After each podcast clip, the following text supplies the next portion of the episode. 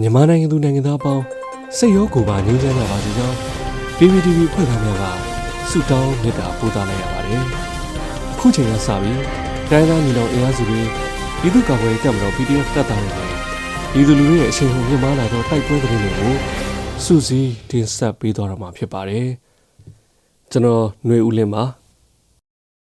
ဒီမော့ဆိုဟိုဖိတ်နဲ့စိုက်ကွက်နဲ့ခြေရများတွင်စစ်ကောင်စီတပ်နဲ့ကင်ဒီတပ်ဖွဲ့ကြား ဆယ်နာရီကြာတိုက်ပွဲဖြစ်ပွားခဲ့တဲ့တဲ့ရင်ကို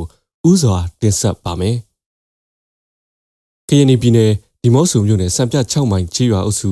ဟိုဖိတ်ခြေရွာနဲ့စိုက်ကွက်နဲ့ခြေရွာများပတ်သို့အကြမ်းဖက်စစ်ကောင်စီတပ်ကစစ်ကြောင်းထိုးလာပြီးကရင်ပူးပေါင်းတပ်ဖွဲ့နဲ့ယမနေ့ဇန်နဝါရီ23ရက်နေ့တွင်ဆယ်နာရီနီးပါးတိုက်ပွဲဖြစ်ပွားပြီးစစ်ကောင်စီတပ်ကအများပြည်သူနေများကိုမီးရှို့ဖျက်ဆီးခဲ့ပါတယ်။နှစ်ဖက်တိုက်ပွဲသည်နနက်၈နာရီမှည6နာရီထိကြာမြင့်ခဲ့ပြီး စစ်ကောင်စီဘက်မှထိခိုက်ကြဆုံးမှုများကြောင်း KNA ပူးပေါင်းတပ်ဖွဲ့ဘက်မှရဲဘော်တအူမစိုးရိမ်ရဒဏ်ရာရရှိကြောင်းဟိုဖိတ်နဲ့တပြေတော်ကျွရဘက်မှနေအိမ်ကိုလုံးကိုမိရှို့ဖျက်ဆီးကြောင်း KNA အမျိုးသားကာကွယ်ရေးတပ်ဖွဲ့ KNDF ကသတင်းထုတ်ပြန်ပါတယ်။ဇန်နဝါရီလ22ရက်နေ့တွင်လည်းဟိုဖိတ်နဲ့တပြေတော်ကျွရတိုက်ပွဲဖြစ်ပွားခဲ့ပြီးစစ်ကောင်စီတပ်ကကျွရများတွင်ပိတ်မိနေသည့်ပြည်သူနှုတ်ဦးကိုဖမ်းဆီးတပ်ဖြတ်ခဲ့ကြောင်း KNDF ကရေးသားထုတ်ပြန်ထားပါတယ်။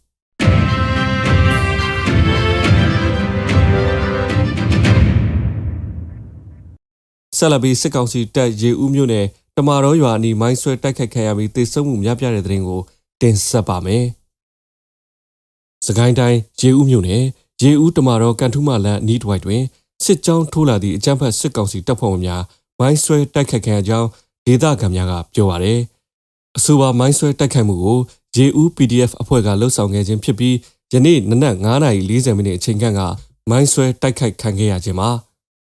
အကြမ်းဖက်စစ်ကောင်စီတပ်ဖွဲ့ဝင်များကြဆုံများနိုင်ပြီးတေဆုံးစင်းအတိအကျကိုတော့မသိရှိရသေးပါဘူး။မိုင်းဆွဲတိုက်ခိုက်ခံရတဲ့အကြမ်းဖက်စစ်ကောင်စီဝင်များလက်နက်ကြီးများနဲ့ရန်တမ်းပစ်ခတ်နေပြီးအနီးနားကျွေးရရှိဒေသခံများပုန်းရှောင်နေကြရပြီးပေကြီးရွာရှိနေအိမ်နှလုံးကိုလည်းအကြမ်းဖက်ဖျက်ဆီးခဲ့တယ်လို့ဒေသခံများကဆိုပါတယ်။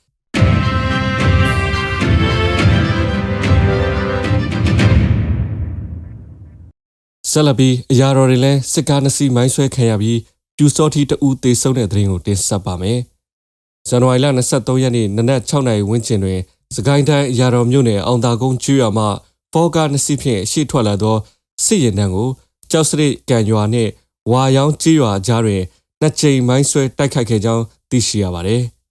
။အရာတော်မြို့နယ်အောင်သာကုန်းကျွော်မှထွက်လာသောစစ်သားနှင့်ပြူစောထီများပါလာသည့်ဖောကားနှစ်စီးနှင့်ရှေ့ကားအားဝါရောင်းကျွော်နောက်ဖက်တွင် ပရိသာမိုင်းလေးလုံးဖြင့်တစ်ချိန်နဲ့တိုက်ခိုက်ခဲ့ရာ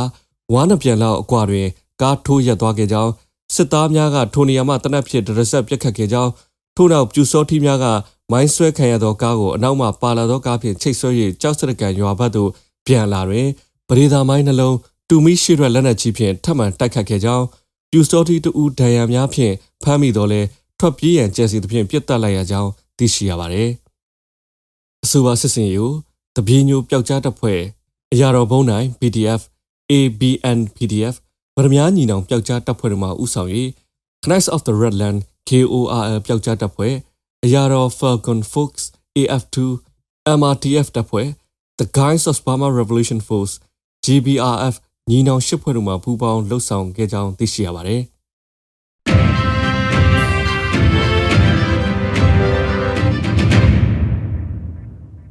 နောက်ဆုံးအနေနဲ့အမျိုးသားညီညွတ်ရေးအစိုးရပြည်ထောင်ရေးနဲ့လူမှုကြီးကြပ်ရေးဝန်ကြီးဌာန2022ခုနှစ်ဇန်နဝါရီလ25ရက်နေ့ရက်စွဲနဲ့ထုတ်ပြန်တဲ့ပြည်သူခုခံဒေါ်လာစစ်သတင်းအချက်အလက်တွေကိုတင်ဆက်ပေးသွားမှာပါ။အာဏာသိမ်းအကြမ်းဖက်စစ်အုပ်စု၏ပြည်သူလူထုအပေါ်အကြမ်းဖက်ဖိနှိပ်ဖမ်းဆီးတိုက်ခိုက်တပ်ဖြတ်နေမှုများကိုပြည်သူလူထုတရက်လုံးကအသက်ရှင်တန်ရေးအတွက်မိမိကိုယ်ကိုမိမိခုခံကာကွယ်ပိုင်ခွင့်အရာပြည်သူခုခံစစ် People's Defenses War ကိုဆင်နွှဲလျက်ရှိပါတယ်။ သတင်းချက်လက်များအရ